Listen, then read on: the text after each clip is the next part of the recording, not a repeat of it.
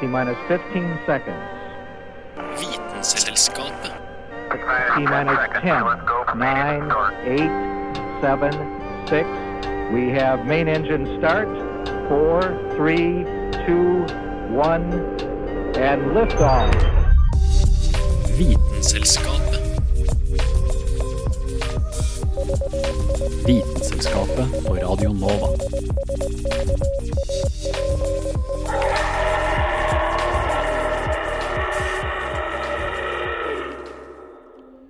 Blod og gørr. To av hovedingrediensene for høstens makabre høgtid. Blod kan være det mest skremmende du opplever om det kommer ut av en uventa plass. Blør du fra ørene, blir du redd. Har du tårer til blod, er du i en skrekkfilm. Men noen virkelige sykdommer har faktisk hemolakria som symptom. Blod kan være skremmende, f.eks. om du har blodkreft. Blod kan òg oppføre seg uventa, med ulike farger, eller komme fra en plass vi kanskje ikke venta det. Blodet har alltid vært viktig for oss virveldyr. Jeg heter Carl Adams Kvam, og du hører på Vitenselskapet. I dag skal vi bade i blod.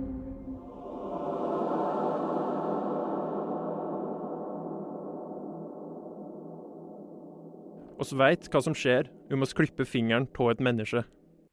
Masse blod og skriking. Men om vi klipper stilken av ei rose, siver det ikke ut så mye som ei bloddråpe. Det er derfor naturlig å konkludere med at planter ikke kan blø. Men stemmer egentlig det? Hanne Grydeland er på leiting etter planteblodet. Det er en vakker sensommerdag på åkeren, og sukkerertene er klare for å høstes. Vi skrider til verks og tar tak i en av de grønne belgplantene, trekker den opp av jorda, rotsystem og det hele. Men hva er dette? Røttene er dekka av masse små vorter, og de er røde, akkurat som om vortene inneholder blod. Både frastøtt og nysgjerrig plukker vi av en av vortene og skjærer den i to med lommekniven som vi har med oss. Synet som møter oss når vi skjærer opp rotknollen, som den heter på fagspråket, minner oss enda mer om blod. Knollen har nemlig en kjøttaktig lyserosa konsistens på innsida. Nesten som om vi skulle ha åpna en menneskevorte.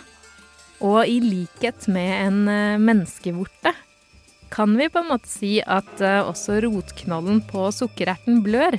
Planten inneholder nemlig leghemoglobin, som er et protein som ligner på hemoglobinet vi finner i menneskeblod.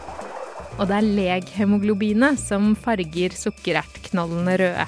I blodet vårt brukes hemoglobin til å frakte oksygen rundt i blodstrømmen. Fra lungene og ut til de andre organene. Men sukkererter de har jo verken hjerte, lunger eller blodomløp. Så hvorfor finner vi allikevel et hemoglobinlignende protein i den lille planta? For å finne ut av det, så må vi finne fram mikroskopet og se nærmere på knollen vi nettopp har plukka og dissekert. Inni knollen finner vi et yrende liv av mikroorganismer. Og særlig én av bakteriene er interessant for oss. Rhizobium-bakterien, eller belgplantebakterien. Som små så lærer vi at vi skal passe oss for bakterier. Men i dette tilfellet har faktisk sukkererten vært lur som har sluppet inn belgplantebakterien i rotknollene sine. Planter er nemlig avhengig av nitrogen for å kunne lage proteiner, klorofyll, arvestoff osv. Og de fleste planter tar opp nitrogenet de trenger fra jorda, fordi de mangler evnen til å hente inn den nitrogenen som finnes i lufta. Vår venn sukkererten er imidlertid ikke tapt bak en vogn. Den lar belgplantebakterien leve i rotknollene sine, fordi belgplantebakterien klarer å binde nitrogen fra lufta. Og det er her planteblodstoffet, eller leghemoglobinet, kommer inn på scenen igjen. I likhet med sin slektning hemoglobin er leghemoglobin også ekspert i å binde oksygen. Jobben til leghemoglobin er dermed å holde belgeplantebakterien i full vigør ved å frakte oksygen til rotknollene der bakterien lever. Samtidig passer leghemoglobinet på at eh, oksygenkonsentrasjonen i knollen ikke blir for høy. For for mye oksygen vil deaktivere nitrogenase, som er et enzym som hjelper planten å nyttiggjøre seg av det nitrogenet som tas opp.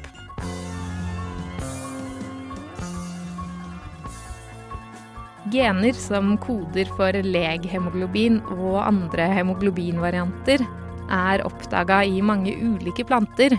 Og forskere mener at alle variantene er etterkommere etter den samme hemoglobinvarianten. Og at dette hemoglobinet deler slektskap med hemoglobinet som finnes i menneskeblod.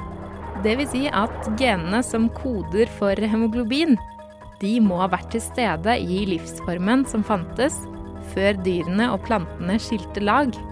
Altså for mer enn 1500 millioner år sia. Så neste gang du ser en rød, kjøttaktig sukkerertknoll, den er ikke ekkel. Den er i slekt med deg.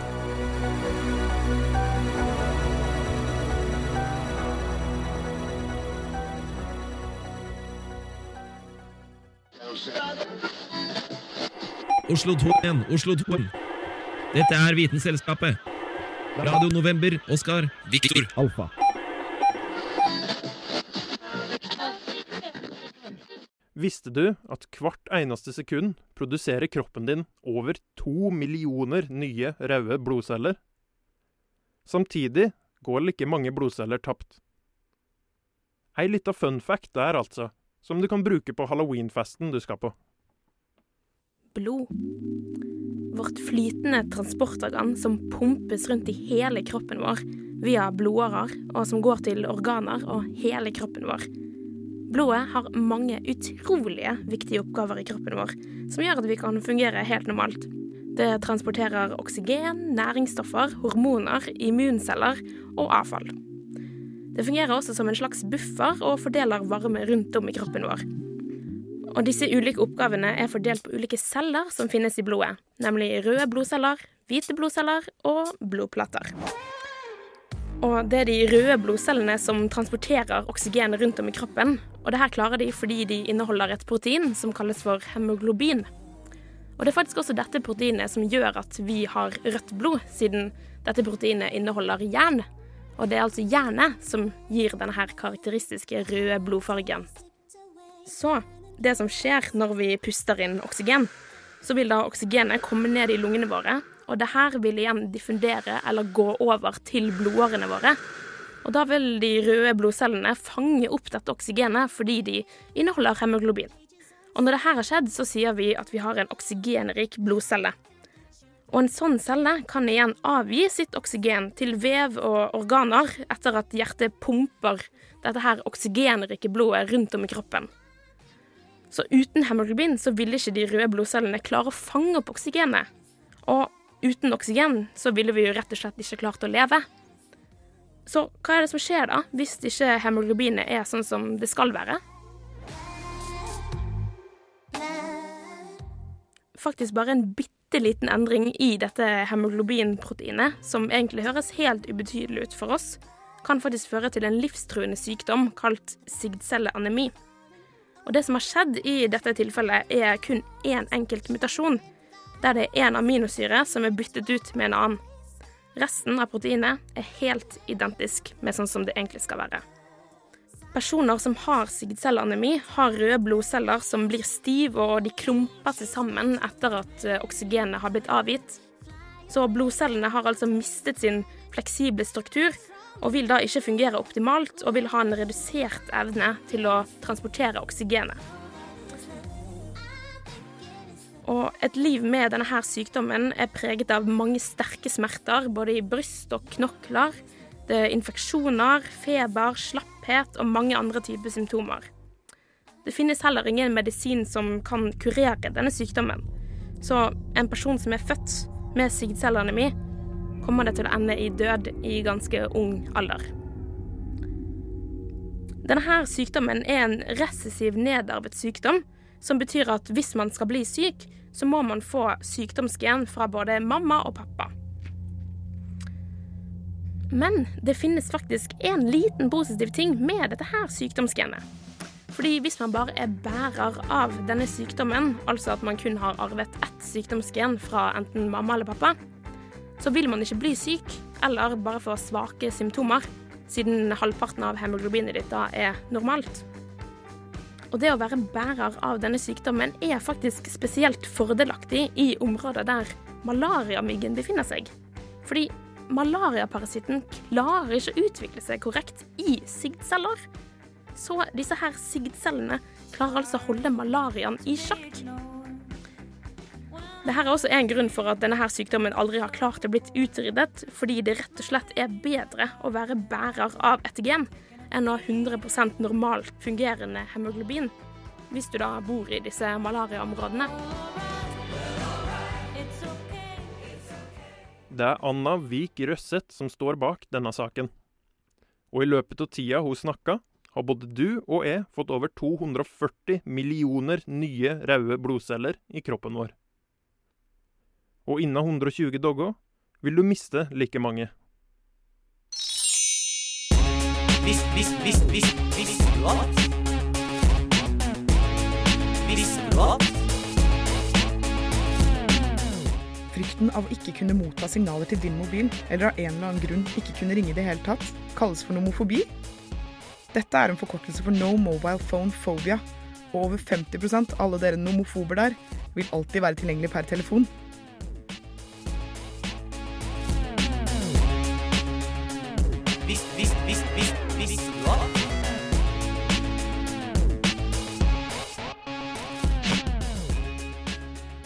Kongelegget har som kjent blått blod. Men de er faktisk ikke de eneste skapningene på jord som har denne blodfarga. Så hvorfor er det sånn at oss vanlige mennesker har rødt blod? Det kommer av en kombinasjon av to ting. Hvis du skjærer gjennom huden slik at blodet begynner å renne ut, vil du, som alle vet, se at det er rødt. Som regel er det veldig, veldig rødt. Blodet er faktisk rødere når det kommer ut av kroppen enn det var på innsiden. Og det er av et stoff som det finnes mer av på utsiden, nemlig oksygen. For det som gir blodet vårt rødfargen sin, er et protein som finnes i de røde blodcellene som kalles hemoglobin. Mange av dere har sikkert hørt om hemoglobinet før. Det er det såkalte transportproteinet som frakter oksygenet rundt i kroppen. I dette hemoglobinet finnes det et jernatom som blir knallrødt når det kommer i kontakt med oksygen. Etter hvert som blodet pumpes gjennom kroppen og slipper av oksygenmolekylene sine, blir blodet mørkere fordi ikke like mange jernatom oksideres. Det er derfor blodet gjerne kan se litt mørkere ut når du gir blod, enn når du kutter deg. Når du gir blod, vil jo ikke hemoglobinet bli utsatt for like mye oksygen som når det får kontakt med luft. Alle virveldyr har hemoglobin i blodet sitt, som gjør at blodet deres også er rødt. Når det kommer til skapningene uten ryggrad, er det imidlertid mye større variasjon i blodfarger. Leddyr og bløtdyr, som f.eks. blekksprut, har ikke hemoglobin. I stedet har de noe som heter hemocyanin. Dette proteinet bærer også oksygen, men istedenfor et jernatom har de et kobberatom, noe som gjør at når oksygenet fester seg på, farger det blodet blått, ikke rødt. Andre dyr, som igler, har et oksygenbærende protein som gjør at blodet blir grønt, og hos enkelte havormer blir blodet lilla. En fellesnevner blant alle disse dyrene er oksygen. Hvilket oksygenbærende protein man har, kommer an på hvor mye oksygen man trenger, som dermed avgjør hvilken farge blodet får.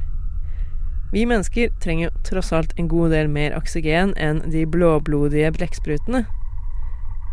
Det er antageligvis derfor den aller snodigste blodfargen renner gjennom årene til en rekke antarktiske fisker. De har nemlig gjennomsiktig blod.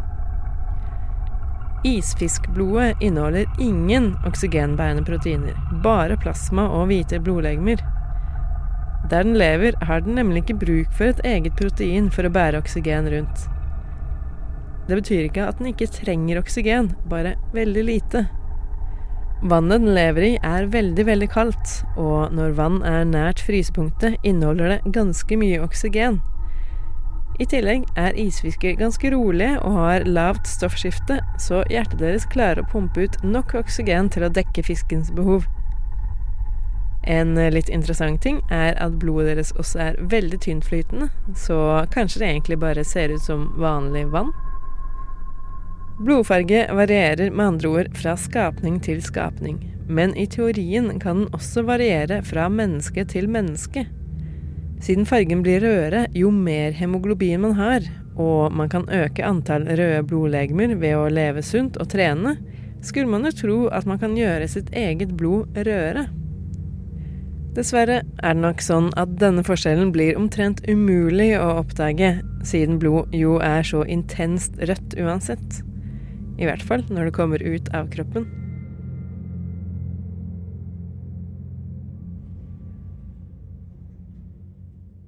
Blått blod så kongle er nok dessverre ei myte, med mindre en har en konge som tilfeldigvis òg er en blekksprut.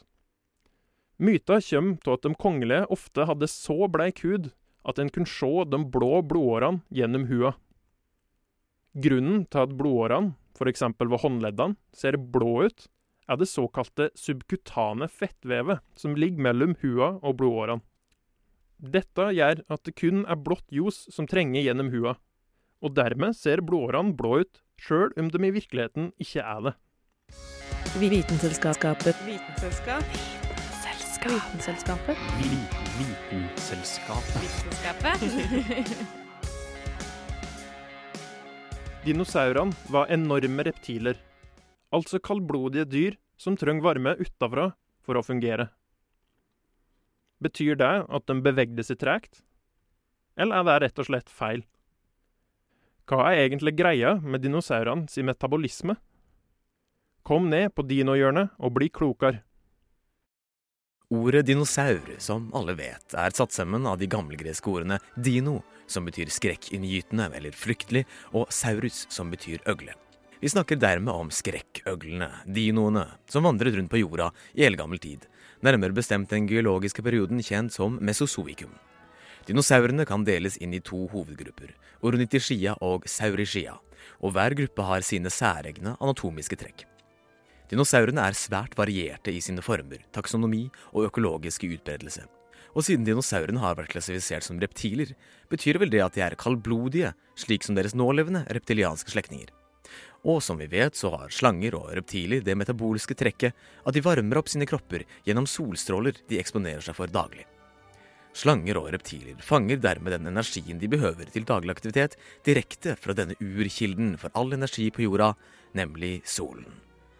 De er det vi på fagspråket kaller ektotermiske, som kommer fra gamlegresk 'hvem skulle trudd', og som rett og slett betyr utsidevarme. Dette er dyr som må solbade for å få varmen de behøver, deres blod varmes rett og slett opp av utsidevarmen fra landskapet. Fordel du får varme intravenøst rett fra solstrålingen. Ulempe varmen, aka solstrålingen, må være til stede i det landskapet du befinner deg i. Du har dermed ikke råd til å kaste bort energien på unødig aktivitet. Det er derfor reptiler ikke beveger seg mer enn absolutt nødvendig. Og da bare når de har fått tilstrekkelig energi inn i sine kropper. Så det er vel slik da at dinosaurene hadde en livsstil som kunne minne om dagens reptiler perioder med høy intensitet etterfulgt av lange perioder med energibesparelse. Mange av dem hadde jo så enorme kropper at det er vanskelig å se for seg hvordan de kunne fått i seg nok energi uten solens kraftige solstråler. Men vent nå litt. Mange dinosaurer er nærmere beslektet med dagens fugler enn de er med reptiler.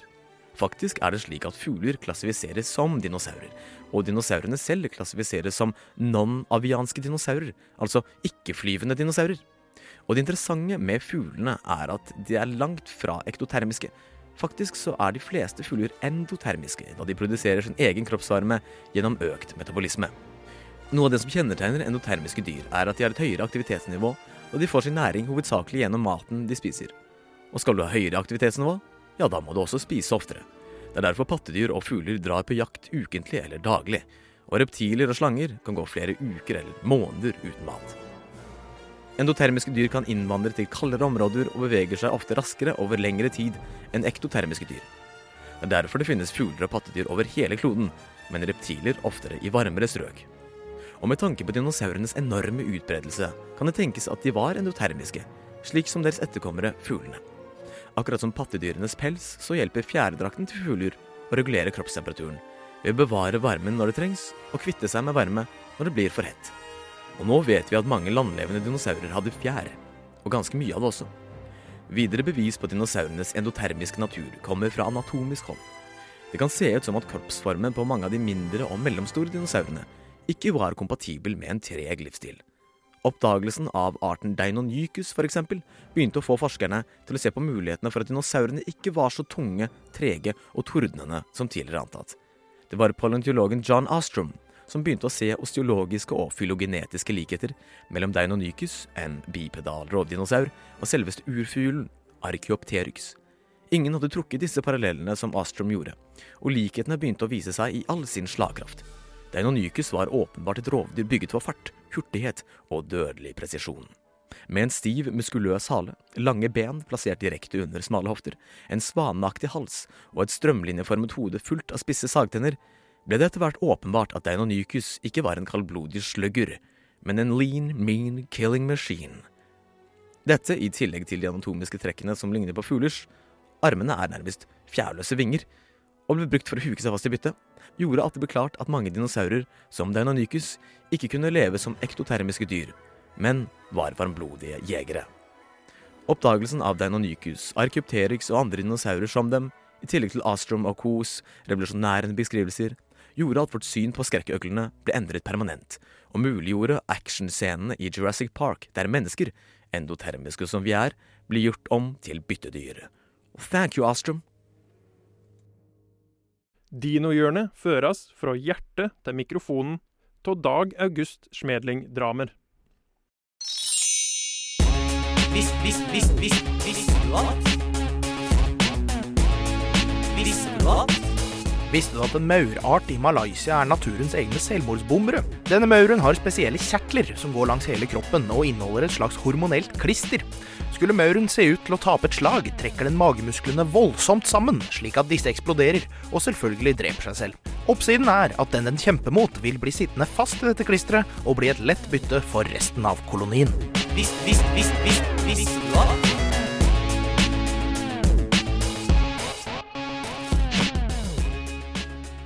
at? så har alle blod.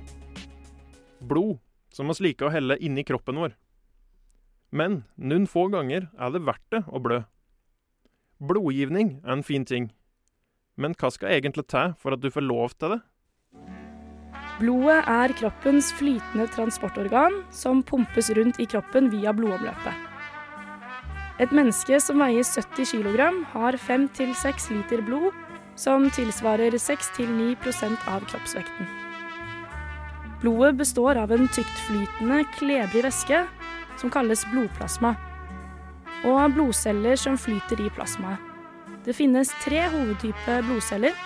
Røde blodceller, hvite blodceller og blodplater.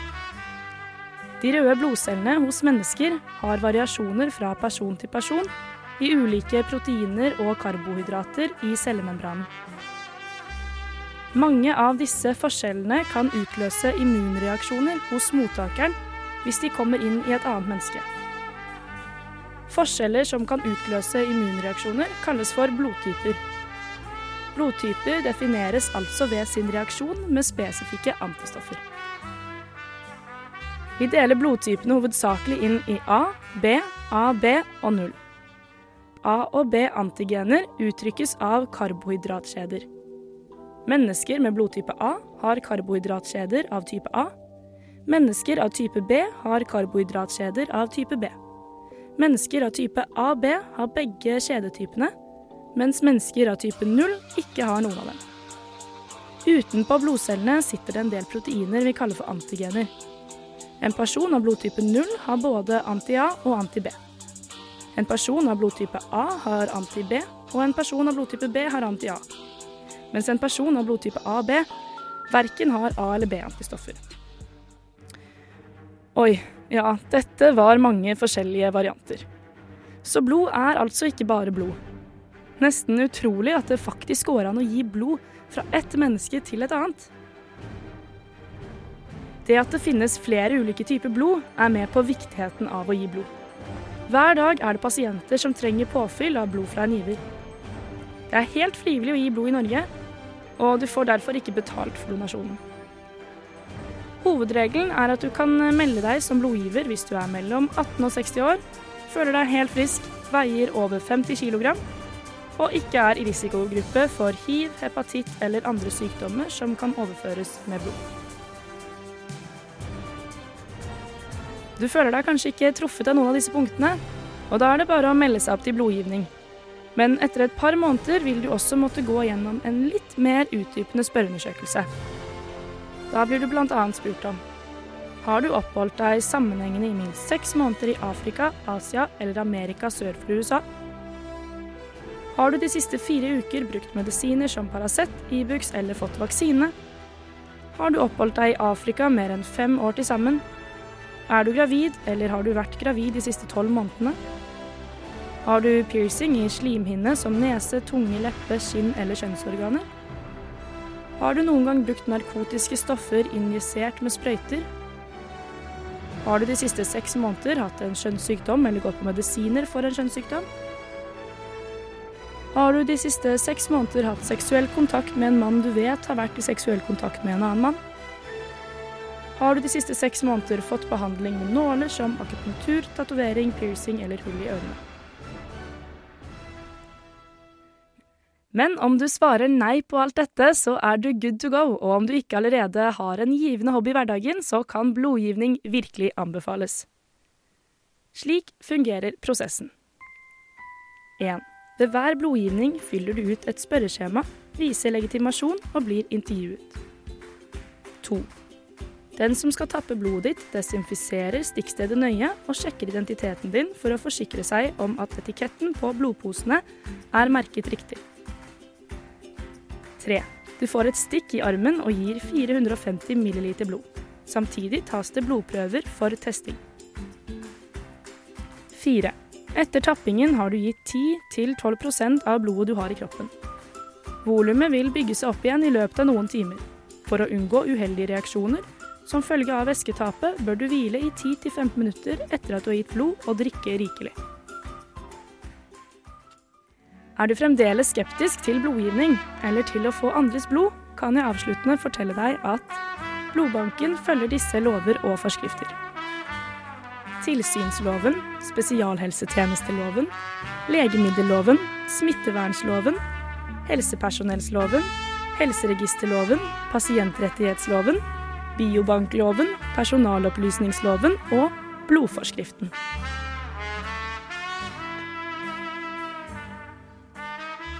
Det er alltid behov for nye blodgivere, så det er bare å melde seg til blodbanken eller Røde Kors om du skal være interessert i dette. Hun som donerte denne saken, heter Aurora Caroline Thommessen.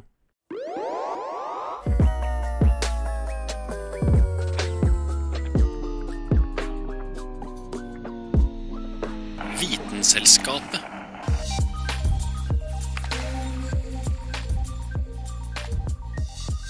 Det var all den gale vitenskapen spøkelsesslottet Chateau Neuf hadde å by på denne skumleste av kvelder.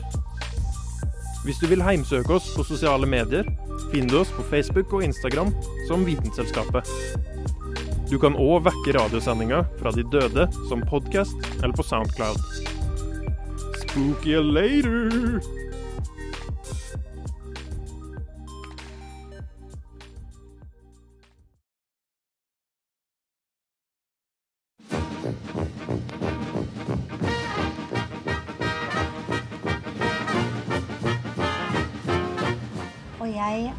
Lidd av Ja, først har jeg operert for nyresten, gallesten og blindtarm i buken og svulst i underlivet. Så har jeg hatt tre ganger mavesår og en halvdød skjoldbruskkjertel og syv dårlige skiver i ryggen. Og så har jeg hatt hjerteinfarkt to ganger og angina pectoris én gang og sukkersyke.